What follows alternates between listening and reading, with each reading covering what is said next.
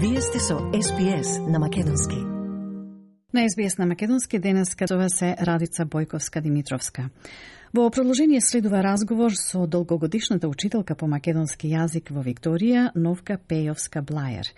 Иако во пензија, господја Блајер се уште е активна и во моментов е заменик председателка на Сдруженијето на учители по македонски јазик во Викторија. Тема на разговор е новата иницијатива на Учителското здружение за зголемување на бројот на ученици во изучувањето на македонскиот јазик. Со господја Пеовска Блајер разговара колегата Васе Коцев. Учителке, добре дојдовте програмата на СБС радио, програма на македонски јазик. Тема на разговор ќе биде секако македонскиот јазик. Од кога вие работите како учителка, кога, од кога го предавате македонскиот јазик во училиштата во, во Австралија?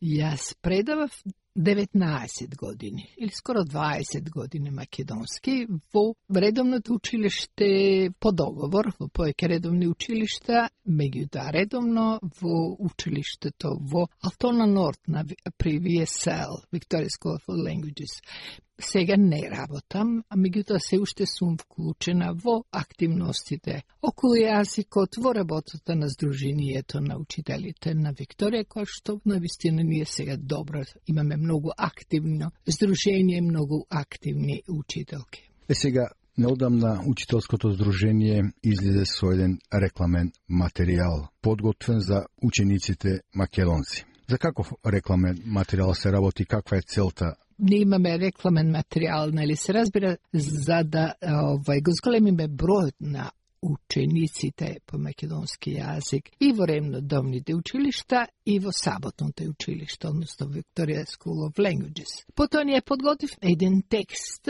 кое што го пативме до сите училишта, морам да кажам пред се дека многу интересно, дека ние на наша иницијатива, значи нашето учителско друштво на Викторија, успевме да се поврзиме со сите учители по македонски јазик во светот. Така што ние организиравме едно здружение на учители што предават македонски јазик во светот а имавме три Zoom конференции едни со други, тоа беше многу убаво и се договаравме за и ние свеќе тоа се реализира за разменување на наставни програми и материјали за учување на јазикот, за нашите искуства. Е сега, едне од нештата тако што, да речеме на светско ниво, ние учителите по македонски јазик го реализиравме дека се намалува бројот на учениците по македонски јазик. Според тоа ние на се обидовме значи да направиме еден текст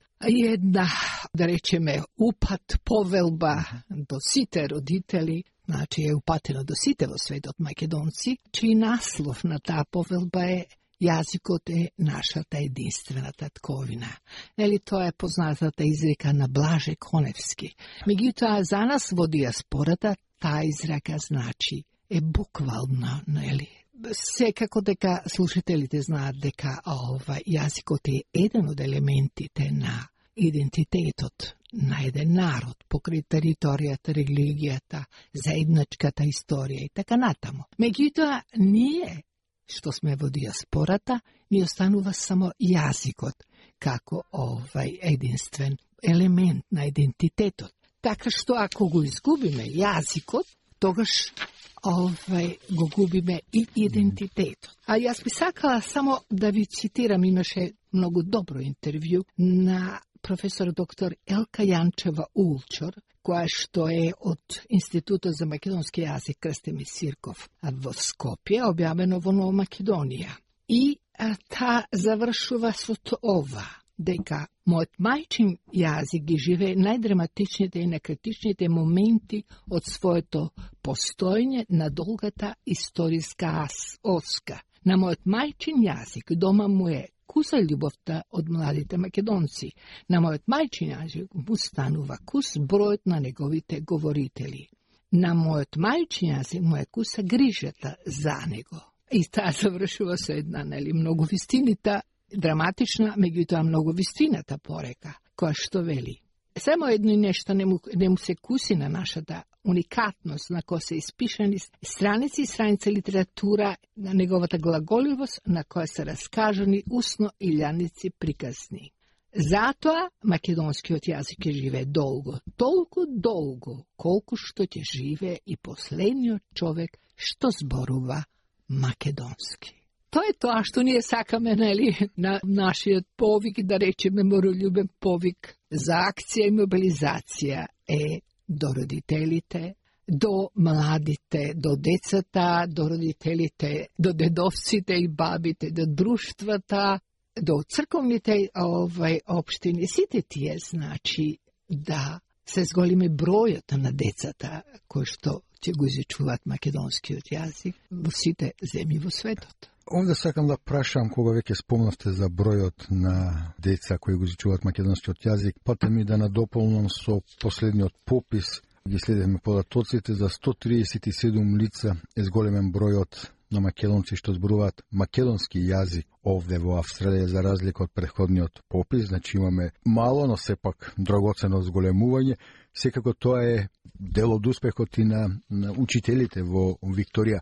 Па го спомнавме бројот на учениците. А, со колку ученици располагате моментално во Викторија и каде се се изведува наставата? Да, во Викторија имаме околу 600 ученици деца, ученици нечин, кои изучуваат македонскиот јазик, или во редовните училишта, или во ове Victoria School of Languages во саботното, значи училиште. Е сега најпрво ние го имаме Lydor Not Primary School, значи основното училиште. Нивниот телефон можем да ви го дадам, тоа е 9465 4922 и ovaj, to je mnogo uspešno dvojazično učilište, mnogo uspešno ti se apsolutno imat dovoljno učenici i to je ona osnova, ta najdobra ta osnova što deca da gi dobivat, znači to osnovno učilište vojasikot. Тоа е во Лајлор населбата, нели? Е сега, потоа од државните училишта, ние имаме неколку државни училишта каде што имаме Значи, во редовната настава, тоа се во Лајлор Secondary College, тоа е во населбата Лајлор, во Епинг Secondary College, исто Епинг, и во Томастаун Secondary College. Значи, имаме македонски јазик класови во тег на редовната настава. А за саботните училишта имаме класови во Алтона Норт, во Бейсад Секондари College, во Килодаунс, Килодаунс Коледж, во Норт Джилонг, тоа е Норт Джилонг Секондари College, во Пойнт Кук тоа е Пойнт Кук Сениор Секондари College, и во Томас Таун, значи во Томас Таун Секондари College себетни класови. Значи, предпоставувам дека родителите на вистина имаат можност, затоа што се распоредени на сите страни помалку или повеќе, каде што најмногу може би нели нашите луѓе живеат, така што на вистина имаат можност да ги донесат децата во саботното училиште или во, во редовната настава да ги запишат. Сега би сакал да ве запршам. Ми спомнавте дека веќе не работите како учителка, меѓутоа дали овде учителите се соочуваат со некои проблеми, дали имаат потешкоти во во работењето во однос на наставни помагала или верувам дека има на програма за за изучување на македонскиот јазик. Сото сакам да прашам каква ви е соработката со Австралија како држава, но и со Македонија, дали се добива некоја помош и таму? Мислам, јасно е дека ове Австралија со својата мултикултура е апсолутно се грижи за сите овај етнички групи, за сите јазици, тука апсолутно нема никакви забелешки.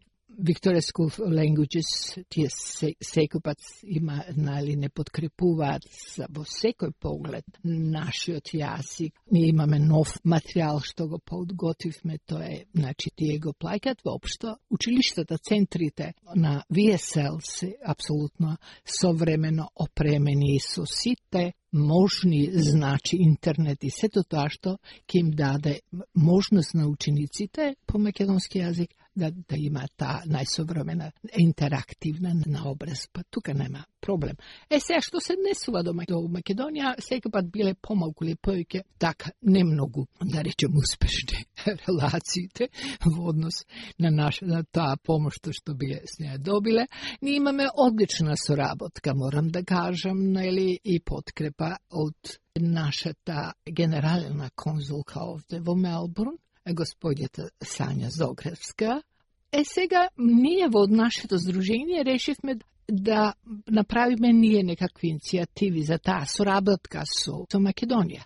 Така што, на пример, со помош на господја Зогревска, организиравме еден зум со еден уметник и ткајач на тоа на стари на ткање на своја Македонија. Ове имавме зум со неа што беше многу успешно за учителите и се разбира и за учениците. Потоа имавме зум средба и разговор со синот на нашиот најпознат писател Петра Андреевски и неговиот син. Тој зборуваше за својот татко, зборуваше за своето сликар, сликарство.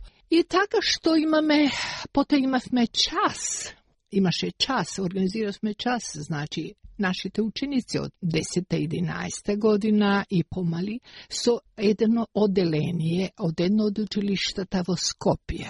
Практично имаа заеднички час и тоа тоа беше многу спечатливо за нашите за нашите ученици, како онај тука и беше само од еден центар, од Кило Даунс центарот беше тај беа учениците, тој пат како и за децата така, таму и за учениците, таму така што се развива една една овај заемност, едно пријателство, постоа и тие, според информациите од училиште, да таму и овде, тие сите, значи, деца, ученици сакаат да се допишуваат, се разменија, разменија овај информации за, за своите адреси, интернет адреси и така натаму. Добивам впечаток дека има добри услови за работа, овде во средја во училиштата, стручно подкован учителски кадар. Е, сега пак ќе се вратиме на она, каде е проблемот што не се приуваат доволно деца да го изучуваат јазикот? Дали може да се луцира каде лежи тој проблем? Па веројатно не може да се луцира, веројатно е тој да е индивидуална работа. Меѓутоа, овај веројатно постои едно заменување на тезите, да речем. Сите ние сме поврзени, сите ние многу сакаме во Македонија све да биде апсолутно најдобро и на, најуспешно. И сакаме да биде успешна и богата и со срекни богати и срекни луѓе што ќе имаат висок стандард. Да, ние сите тоа го сакаме. Тие луѓе исто уште повеќе тоа го сакаат. Меѓутоа, нали, реалност е поинаква, рековме, не зависи све од нашите желби, желбите таму и желбите тука и сето тоа. Ние од Сдруженијето на учителите на по македонски јазик на светско ниво. Сега сме загрижени дека луѓето ги заменуваат работите, дека најважно е јазикот да го сочуваме ние. А тие луѓе таму што живеат, значи, да речеме, те имаат право или го прават оно што мораат или оно што сакат или што се немоćни и така натаму. Меѓутоа, рековме повторно, јазикот е нашиот идентитет, првиот фактор на нашиот идентитет. Ние само тоа сакаме јазикот да го сочуваме во диаспората, бидејќи имаме многу значи луѓе. Ако имаме над 100.000 македонци во Австралија, на вистина Во Викторија имаме негде околу 40.000, ми се чини, или над 40.000. Да имаме само 500 негде ученици, 600, меѓу 500 и 600. Не, тоа не е во ред. Тоа не е во ред, тоа не зборува за нас добро, најли како народ. Да.